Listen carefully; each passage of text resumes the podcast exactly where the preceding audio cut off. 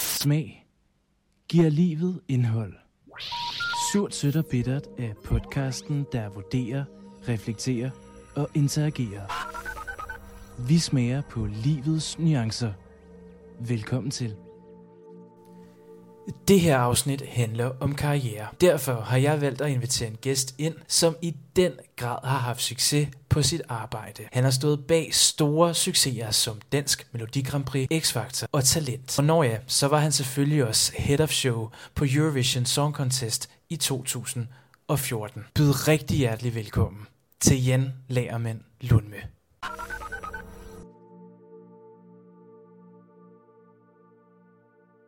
Jan, det er øh, virkelig dejligt at øh, have dig med her i dag. Velkommen til. Øh, og jeg vil først lige til at starte med så at sige, at vi sidder jo faktisk ude på din arbejdsplads, og det giver jo ret god mening i forhold til, at det her afsnit handler om karriere, og du er virkelig en af de personer, som jeg personligt ser op til. Øhm, du har opnået rigtig mange store ting i en forholdsvis ung alder, Øh, så du er virkelig den perfekte øh, person, når man, øh, når man skal tale om karriere. Og jeg skal lige prøve at starte med, hvad var egentlig dit første job?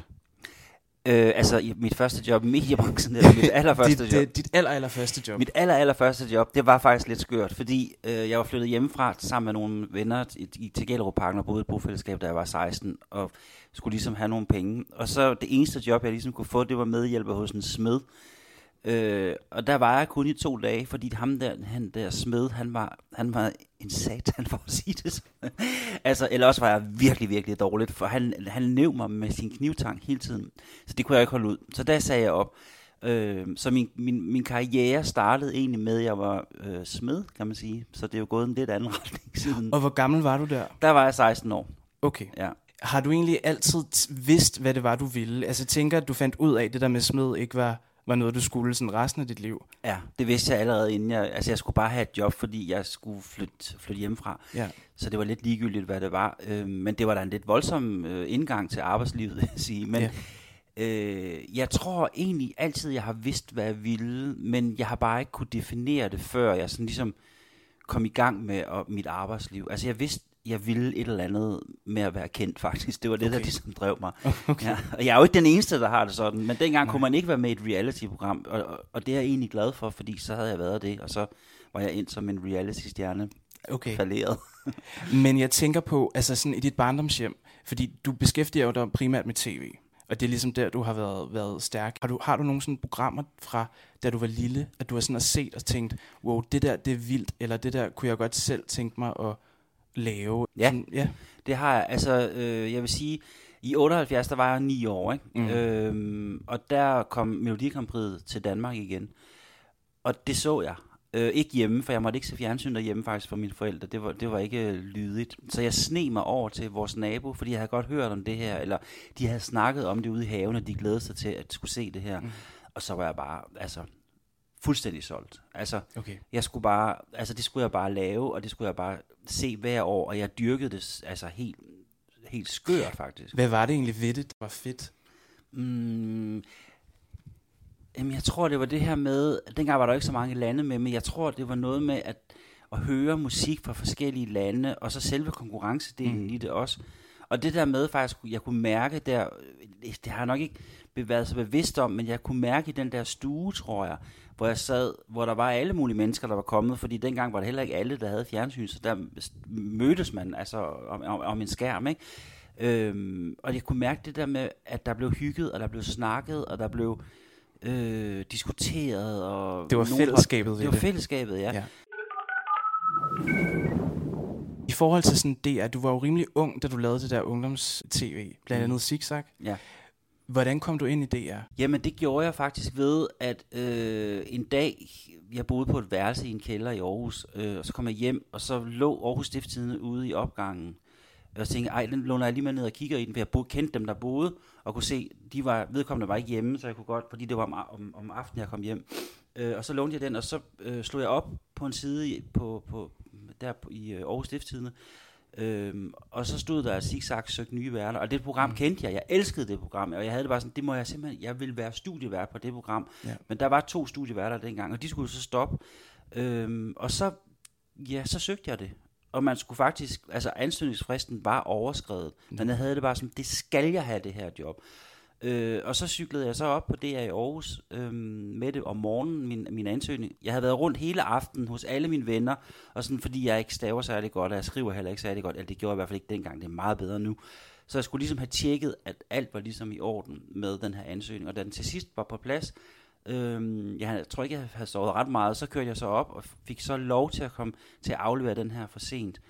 Øhm, for jeg insisterede simpelthen på, at, at mm. det skulle jeg. Øhm, og jeg tror egentlig, at det var det, det her med, at jeg insisterede så meget, der gjorde, at de blev så interesserede i, hvem er den der galning, der står nede yeah. i receptionen og bare vil have det her job. Ikke? Yeah.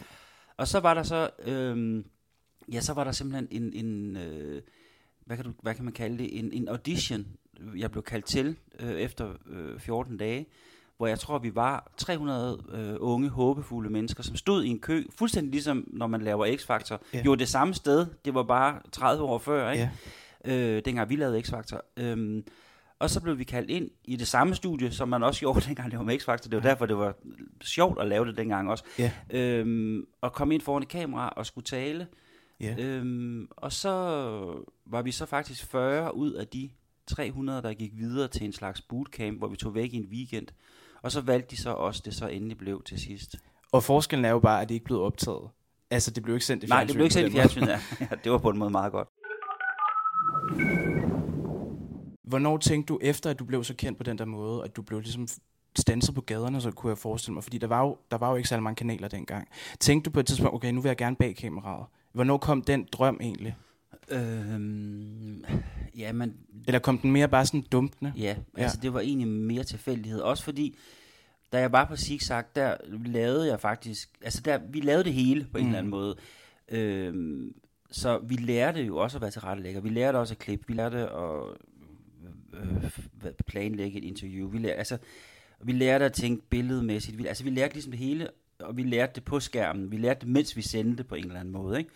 Øhm, hvilket var jo helt, en helt ubeskrivelig fantastisk uddannelse i virkeligheden. Ja. Øhm, så, så du ser det faktisk også som en uddannelse, ikke bare et job? Ja, det var det, fordi vi kunne jo ingenting, da vi startede. Altså, øh, og vi var faktisk rimelig habile i tv-mediet øh, dengang, altså da der så var gået nogle år. Ja. Øhm, og så tror jeg bare, at altså det, der, det var faktisk ikke mit eget valg, at jeg ikke ville være vært mere. Det var simpelthen fordi, at de tænkte, nu var blevet for gammel, eller de mm. ville noget andet, eller jeg var blevet for krukket, eller jeg ved ikke, hvad det var. Nej. Men, men øh, jeg var nok blevet en lille smule krukket, for at være helt Men heldigvis, så kunne jeg jo sådan noget andet, og der havde jeg, på det tidspunkt havde jeg sådan, der kan jeg huske, der var der første, første sæson af Husk lige tandbørsten, som jeg var helt syg med også, og var ude og se det hver fredag aften, øh, ude sådan en hangar ude i lufthavnen. Øh, og var helt grebet af det her med, at hele Danmark sad og så det her, og den måde, de havde tilrettelagt det på alt, så havde det sådan, jeg vil bare gerne lave underholdningsfjernsyn. Øhm, så det var i virkeligheden huslig tandbørsten? Ja, på en der måde ligesom var det. klikkede? Ja, og Melodi Grand Prix selvfølgelig ja. også, ikke? Fordi dengang jeg var i lavet børneæderen, der var der jo, der, de 4-5 år jeg lavede det, var der jo Melodi Grand Prix, og det var enten i cirkusbygningen eller ude i det, eller i tv-byen. Så jeg var der, altså ja. fordi jeg kunne ligesom komme ind og se det, og var jo fuldstændig besat af det også. Ja. Øhm, så, så der gik jeg så op og snakkede med, med underholdningsafdelingen, og så fik jeg, så blev jeg løst tilknyttet som tilrettelægger og lavede nogle, nogle, nogle portrætprogrammer og sådan, ja. Øh, og så kan man sige, da jeg så ligesom, så blev det jeg, eller så blev underholdningsafdelingen i det, jeg faktisk øh, lagt ned. Og så, okay, ja. altså hvor, hvornår er vi her i tiden? Jeg tror, vi er i 98, 99. Nej, okay. hvad hedder det? Jo. Altså Nej. efter Huslig Tandbørsten, ja. ikke? Det må være sådan noget slut ja. 90'erne, ikke? Ja. ja. Øhm, og så øh, blev hele underholdningsafdelingen faktisk lagt ud i det private produktionsmiljø. Og så fik jeg ligesom øje for det, altså man kan sige, på det tidspunkt var TV2 der jo også, og alle deres underholdningsprogrammer blev lavet ude i produktionsmiljøet. Mm.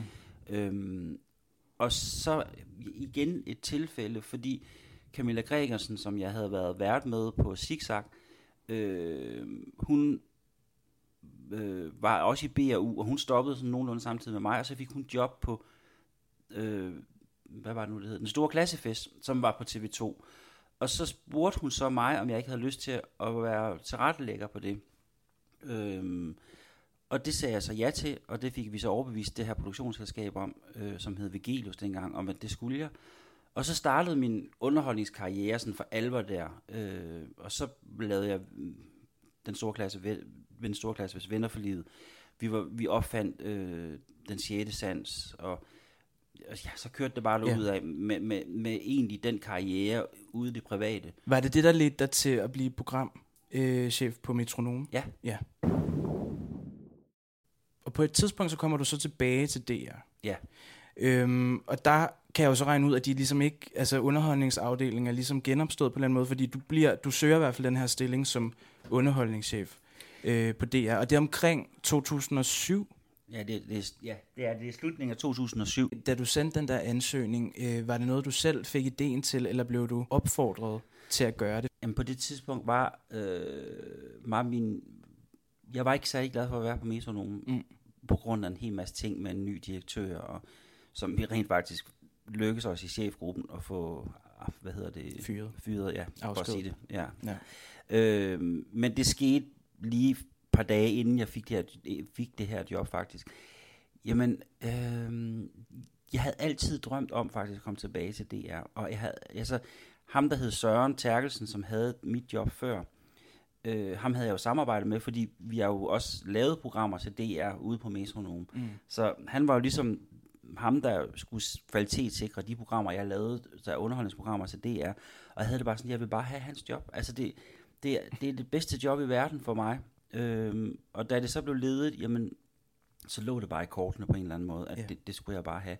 Og så fik jeg det. Altså, og, Hvordan føles det? Altså, øhm, det føltes... Det er fuldstændig den samme følelse, som da jeg fik jobbet på Zigzag. Altså, hvor det bare var det, jeg bare gerne ville. Altså, øh, det er jo sådan en, en utrolig glæde faktisk, og sådan en, altså jo et kæmpe boost på en eller anden måde af en selv, at tænke, at det lykkes, det her jeg brænder for, det her, det kan jeg faktisk få lov til nu, ikke? Tror du egentlig på, at det er sådan... Øh, altså hvis man nu manifesterer noget, så får man det. Er du sådan en type, der gør sådan nogle ting? Altså, fordi jeg kan høre på dig, at du er meget sådan, du er målrettet, og når du gerne vil have noget, så, så får du det også oftest.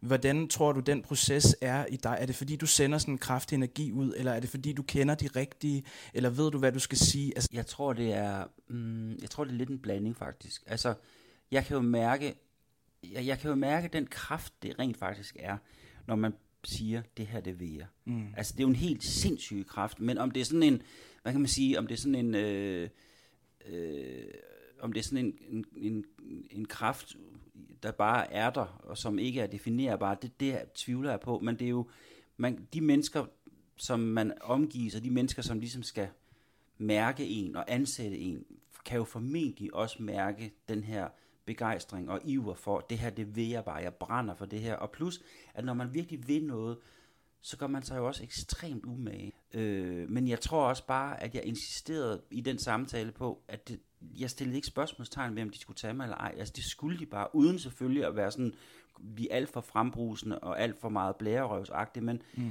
men sådan finde en eller anden balance i, så de virkelig mærkede iveren, men også, jeg tog også nogle chancer, kan jeg huske. Altså, hvad Så- kunne det være? Jamen det kunne være, vi snakkede jo for eksempel om nogle programmer, der de havde, der kørte lige nu. Ikke?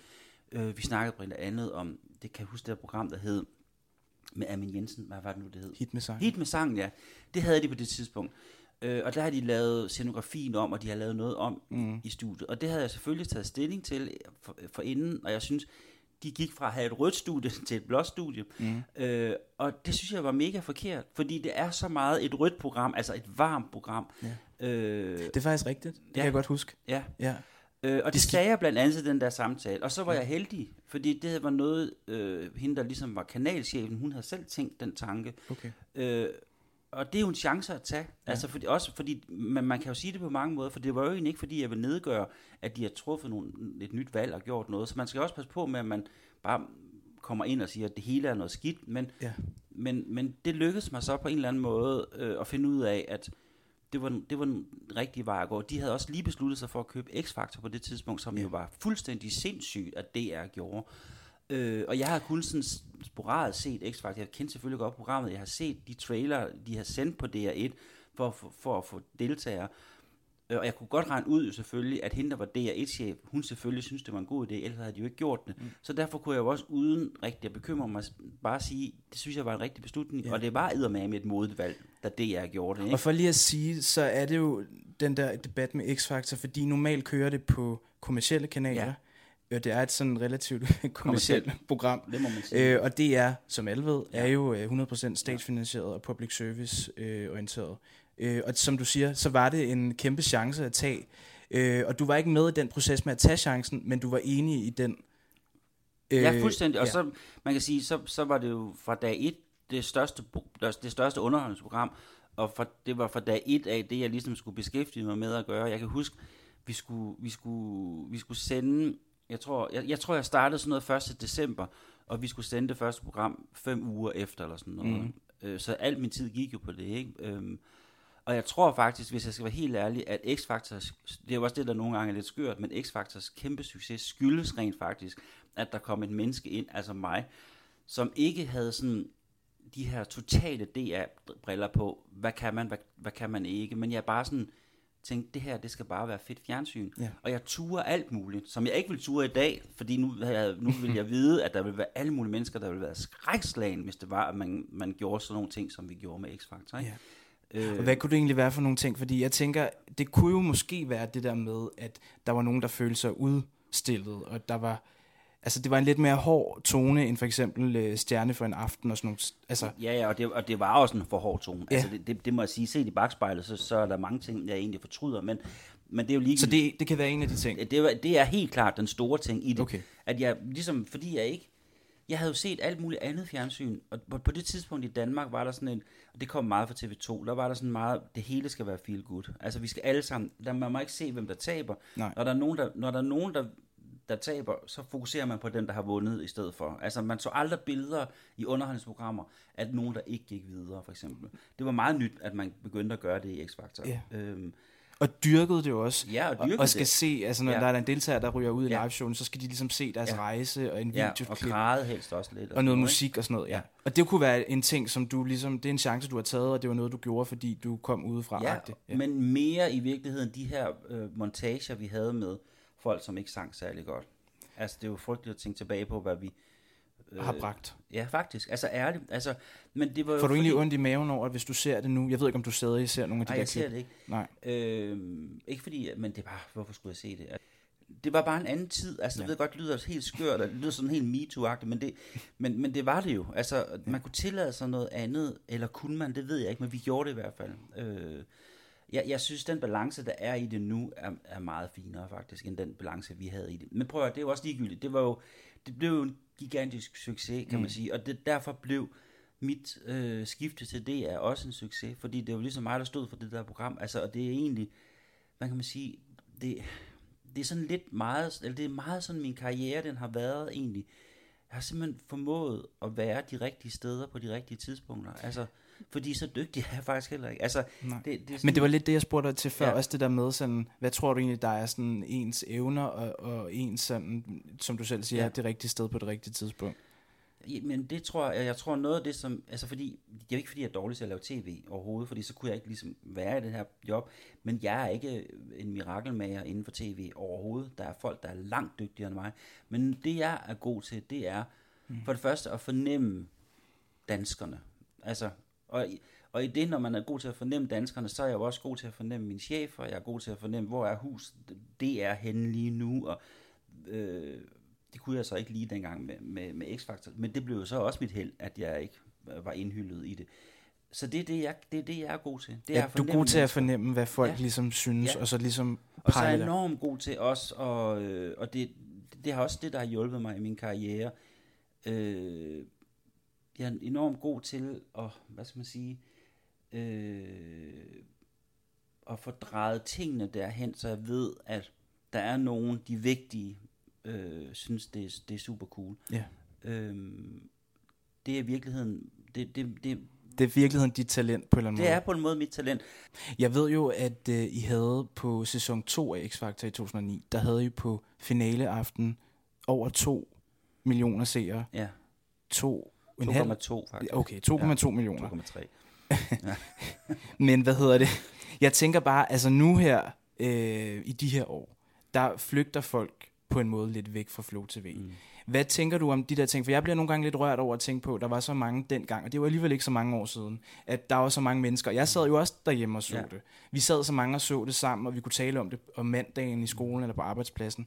Hvad tænker du om det? Altså det her med, at det er så fælles om de her store ting mere, som jo er sådan kernen i public service. Altså, jeg tror, det, det kommer lidt an på, hvem du spørger, hvad, hvad kernen i public service er. Altså, hvad, men, hvad tænker du? Jamen, ja. men, men, men jeg synes jo, det er super vigtigt. Altså, at skabe de her fællesskaber. Men det kan, nu kan man så gøre det på mange måder. Men hvad tænker jeg om det? Altså, jeg, jeg, jeg, hvis jeg skal være helt ærlig, så synes jeg, det er ærgerligt. Altså, øh, og det er egentlig ikke, det har egentlig ikke noget at gøre med, med, at jeg har lyst til at have mange seere, men det er egentlig mere, som du siger, det er ærgerligt, at vi som samfund, eller som, ja, ikke har særlig mange steder, hvor vi ligesom har et fællesskab. Mm. Altså, og noget af det, altså X-Factor havde 2,2 millioner den aften, som du selv siger. International Melodi Grand Prix i 14, da vi lavede det, havde 2,5 millioner. Ikke? Altså, øh, I Danmark? I Danmark, ja. Det ja. tror jeg, nu, det vil nok være tæt på det samme, hvis Danmark vandt igen, tænker jeg. Fordi der, det, det kan stadigvæk et eller andet, ikke? Øh, men og det, kræver, var i 14, at vi afholdt det i Ja, det er det. Ja. Men altså, det, det kræver selvfølgelig, at vi vinder det igen, kan man sige. Ikke? Mm. Øh, men men øh, jeg synes, det er ærgerligt, fordi jeg synes, det giver noget for til et samfund, at man har det her med, altså, fordi det er jo ikke, det er jo ikke bare vennerne, det, der kan snakke sammen om det. det. Venner kan sagtens finde alt muligt andet at snakke om og finde fællesskab, men det er jo det der med, at bedsteforældrene kunne tale med deres øh, toårige barnebarn om det, mor og far kunne snakke altså alle, alle kunne ligesom mene noget om det og byde ind, øh, og have faktisk en, det er jo det, der gør det, have en ærlig snak. Det er jo ikke, man, det var ikke forældrene, der sad og tænkte, nej, nu skal vi have en hyggelig aften med vores børn, nu må vi hellere snakke med dem om mm. bla bla bla et eller andet. Det var faktisk en reel, ærlig snak, som der var hjemme i stuerne, ja. som alle kunne byde ind på. Og det er der bare for lidt af. Altså, øh, nu kan sport lidt af det samme, ikke? Altså, øh, Jamen, det er jo i virkeligheden kun sport øh, og dronningens nytårstaler, der kan samle så mange øh, ja. personer. Ja. Øh, altså, og det var alligevel vildt at tænke på, ja. at det ligesom er oppe i de ja. øh, programmer, at man skal finde de der store seertal. Øhm, men jeg kunne godt tænke mig at tale lidt, men nu nævnte du selv 2014 mm. øh, i København, altså da, da vi afholdt det internationale Melodi Grand Prix, der var du jo head of show. Ja og det kunne jeg tænke mig, det kunne være, altså det var sådan et, et drømmejob, som du selv siger, øh, altså her tidligere, at det var ligesom i 78, da du så det internationalt, og du tænkte, wow, det her det er fedt. Hvordan var den følelse, da du ligesom, øh, da vi vinder i, øh, i 2013, og du ved, at det nok højst sandsynligt bliver dig, der skal lave det, altså skal være head of show for det? Øhm, det vidste jeg faktisk ikke, men jeg havde håbet jo, altså, øh, ja. og vi havde forberedt os lidt på det, det bliver man nødt til, fordi det tager faktisk mere end et år at lave det show. Så vi vidste godt, da vi kunne se bookmakerne, at det lå, så begyndte vi sådan stille og roligt at snakke om det. Øh, Hvad er sådan en proces? Hvordan snakker man om det? Altså, så går du hen til dine kollegaer på altså, underholdnings... På det tidspunkt var jeg jo den eneste der, i DR, som der ligesom havde på fornemmelsen, at det ville ske. Så der var sat, du virkelig det? Ja. Der var ikke andre, der nej, tænkte, okay, nu den... Nej, fordi nej. der er ikke nogen, altså, der er ikke nogen dengang... Nu laver jeg det ikke mere, jeg har ikke lavet det de sidste tre år, men... Nej men øh, der var ikke nogen dengang, der var i, nærheden af at være lige så fuldstændig besat af det program som mig. øh, så, så ja, det siger nok mere om mig, end det siger om det her. Men hvad hedder det? Øh, øh, så, så da jeg ligesom fornemmede, at det her, det tror jeg faktisk, det kunne gå hen og ske, så begyndte jeg jo at lægge en plan inde i mit hoved for, hvordan kommer jeg til at lave det. Ikke? Øh, og så begyndte jeg at snakke med nogle mennesker om det. Øh, højere, højere og højere op i systemet, øhm, og ligesom meldte meld mig til og sige, det her, det vil jeg virkelig gerne lave, mm. det kan jeg lave, og øh, så jeg vidste på aften faktisk, fordi jeg havde fået to dage fra inden, havde jeg ligesom fået lovning på, hvis det er, at vi vinder, så, så, øh, så er det mig, der skal være head of show. Øh, så den følelse den aften var også bare... Det må have været dobbelt, fordi du både vidste, at du skulle lave det næste år, og vi vandt, og fordi du er personligt også mega fan. Ja, Øh, også fordi jeg på en eller anden måde faktisk, hvis jeg skal være helt ærlig, og det er ikke for min egen vindings skyld, det var virkelig fordi, jeg synes, Dansk Melodi Grand Prix er super, super vigtigt i forhold til også det, vi talte om før med at have et sammenhold, og man har noget at snakke om, og man har noget at samles om i stuerne. Og så er der bare utrolig mange mennesker, som der går op i det, som ser det her som deres, hvad kan du sige, sportsgren. Altså som elsker den konkurrence, og jeg synes bare, at de skal også bare have mulighed for at, at, at, at synes, det er fedt. Ja. Øh, og det tror jeg jo på, at for at man skal synes, det er, det, det er fedt, det danske Melodi Grand Prix, så skal vi klare os godt i det internationale Melodi Grand Prix. Øhm, og, og derfor var det i mange år op til utrolig vigtigt for mig at gøre alt, hvad jeg kunne for ligesom at bakke op til, at vi kom til at klare os godt. Øh, og det var helt klart min masterplan, at vi skulle vinde Mm. det fucking internationale Melodi Grand Prix. Øh, og jeg gjorde alt, hvad jeg kunne for det. Altså, jeg, jeg kan jo ikke gøre andet end at, hvad kan man sige, sørge for, at øh, de bedste sangskrivere, de føler sig godt behandlet. Øh, de bedste sanger, du, altså at, og så få, få, hvad kan man sige, øh, øh, hele showdelen til at gå op i en højere enhed, så det ligesom er fedt, det vi sender afsted og sådan noget, ikke? Mm. sammen med tusindvis af andre mennesker. Det er på ingen måde mig, ikke, ikke kun mig overhovedet, men jeg havde virkelig sådan en, det er det, jeg vil, og jeg havde også fået lov til det helt oppe fra, at lad os nu prøve for pokker at gøre det, ikke? Ja. Øh, så vi gik all in. Så det er klart, når man har en plan, og man virkelig sådan tænker, at det her, det er det, vi skal gøre for Dansk Melodi Grand Prix, for at det bliver en succes, og det så sker, jamen det er jo en, altså jeg tror, det er ligesom når, øh, helt ærligt, når en eller anden fodboldspiller, øh, de vinder VM eller EM, eller hvad det er. Altså, Ja. sådan en helt ubeskrivelig glæde, øh, og vi blev jo også kørt rundt i, øh, i en bus, ligesom at komme ind på Rådhuset, du ved, alle de Ja. der ting, Tivoli, og altså, det var selvfølgelig mest Emily, kan man sige, det var meget godt. Men, men den der fornemmelse af, at vi, vi øh, at vi, hvad kan man sige, vi danskerne har så meget fokus på det her, Ja. og vi har fucking vundet. Altså, den der aften over i Malmø, det, hvor det jo foregik, Ja. den var jo helt fuldstændig ubeskrivelig. Øh, og jeg kan huske sådan noget med, at vi, at vi havde... Øh, vores markedsføringsafdeling i DR, de havde jo også set, hvordan det så ud. Så vi havde kørt en sådan en kæmpe stor bus hemmeligt til Malmø, og dækket et skilt, kæmpe skilt på, hvor der står, vi ses i Danmark i 2014. Okay. Den bus havde vi kørt derover. altså inden, inden finalen. vi havde vundet, ja. Og jeg havde det bare sådan, det gør I ikke. Altså, tænk, hvis der er nogen, der ser det. Altså, det kan jo give så meget bagslag, at man ikke gider stemme på os. Altså, hvis det blev en kæmpe historie, at Danmark havde gjort det, ikke? Ja. Så jeg var panisk, men den der bus, den kom så rullende ned foran arenaen der. Vi, altså, det var så super tjekket det hele på en eller anden måde, ikke? Fordi Alt var timet, altså alt var langt. timet, og da vi landede i DR-byen dagen efter, var der en kæmpe banner af Emily uden på, på DR-byen, hvor der bare stod tillykke og sådan. Så det var sådan en eufori på en eller anden måde. Ja. Øh, og så startede det hårde arbejde, ikke? Altså, Og så, den startede egentlig dagen efter-agtigt. ja, det var egentlig allerede startet før, men, Ja. men, men sådan, nu kunne vi for alvor ligesom gå, i i gang. gang, ikke? Ja.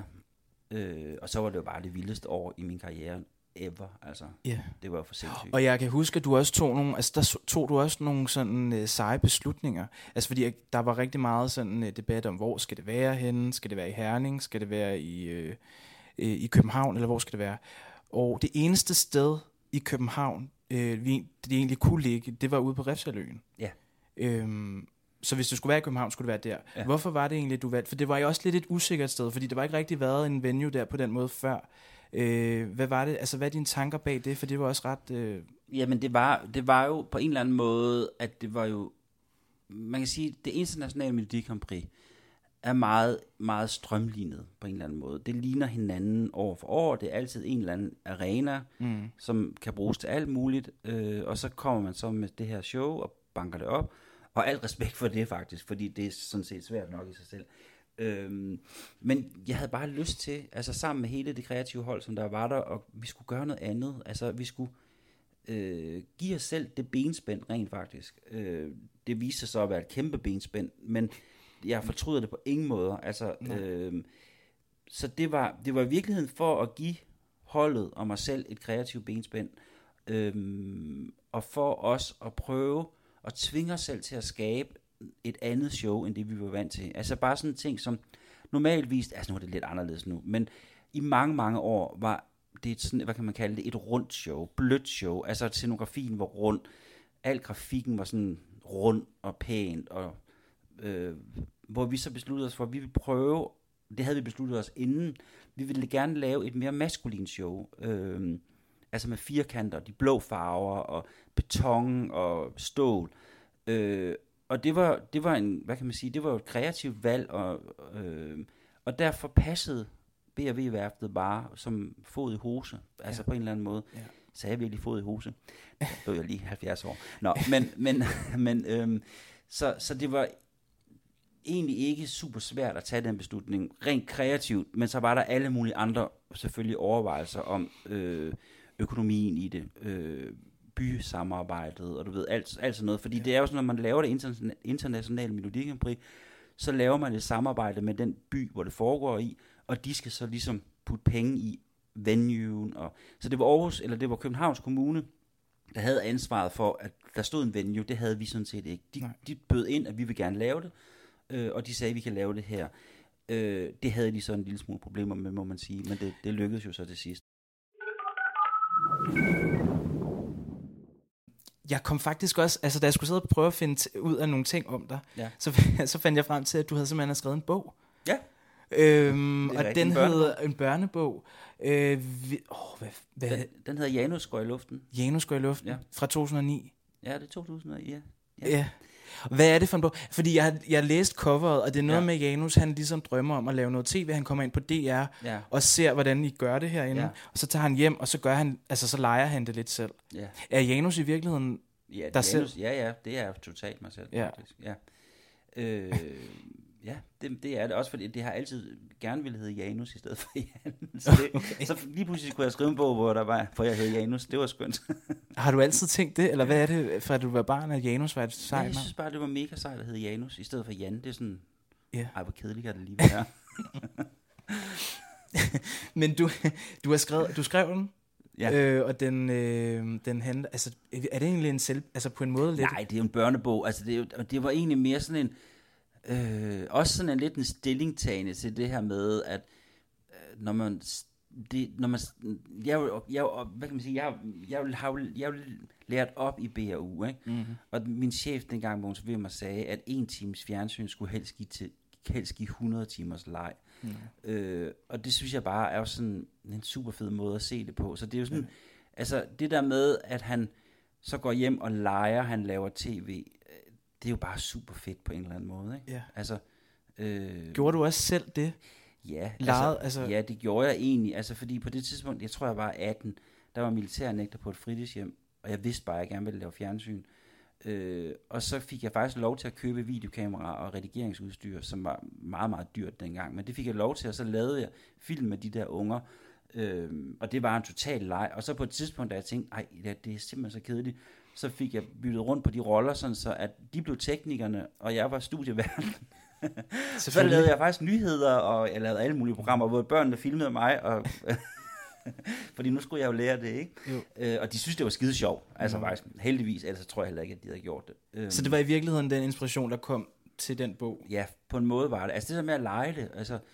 Øh, det er virkelig også det, du har gjort, kan jeg lidt høre, mm. altså i din karriere. Du har lidt lejet dig frem. Ja. Altså du har taget nogle chancer, du har lejet, du har... Ja du har tænkt, det her det er spændende, det vil jeg rigtig gerne gøre, ja. og så har du ligesom noget imod. Og så har jeg også, altså fordi hvis der sidder nogle unge mennesker og hører det her og tænker, ej, øh, ja det vil jeg også, så vil jeg bare sige, ja. det var bare noget helt andet dengang. Jeg tror, det er blevet, desværre på en eller anden måde, det er sgu blevet sværere at lege sig til noget. Altså der er der større krav. Ja. Øh, og jeg kan jo også se på en eller anden måde, sådan tv-branchen, eller det, at dengang, den var, der, altså der er nogle både fordele og ulemper ved begge måder, ikke? Men, mm. men det der jo på en eller anden måde var fordelen var, at de mennesker, som der kom ind i tv-branchen dengang, var meget mere forskellige, end, end de er nu.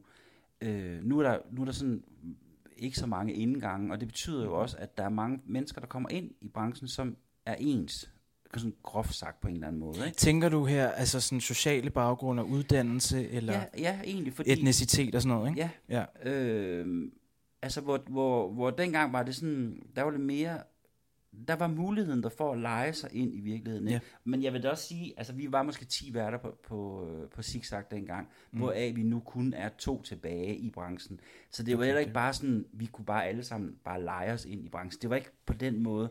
Men hvis man virkelig ville det, så kunne man på en eller anden måde. Jamen jeg det. tænker også, altså nu har jeg selv lidt prøvet at søge øh, praktikker og sådan nogle steder, øh, også her i, øh, i DR og sådan noget. Og det er mega svært der er et kæmpe byråkrati, og man kan ikke bare lige tage forbi, som du siger, med en Nej. ansøgning i hånden. Altså, Nej. der er jo alle mulige regler, det må man ikke mere.